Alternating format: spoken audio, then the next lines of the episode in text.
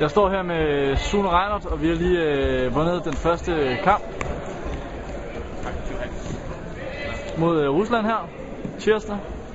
Og øh, hvordan synes du, at øh, det er gået i den her kamp, den første kamp her? Jamen, øh, jeg, synes, jeg synes, det gik fint nok, men øh, altså, vi, vi spillede lidt sløjt i to første perioder, synes jeg. Men i tredje periode, der viste vi virkelig, at vi kunne, og vi spillede sammen som et hold, og det var det, der gav udslag. Hvad er ambitionerne for det her øh, VM for vores hold? Jamen, øh, det, er, det er at vinde. Helt klart. Vi vil op i den A igen. Og øh, nu har vi set øh, Ungarn spille lidt tidligere, og dem skal vi spille mod i morgen.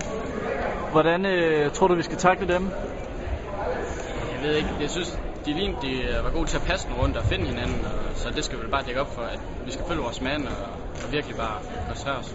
Det skal vi nok klare.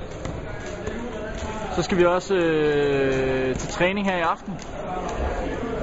Øh, tror du, vi kan holde til til sidst, at øh, vi spiller så mange kampe og træner så meget?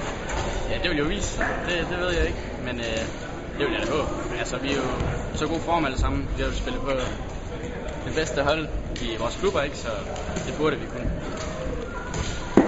Godt. Men tak til Sune, fordi han lige øh, vil stille op her efter kampen.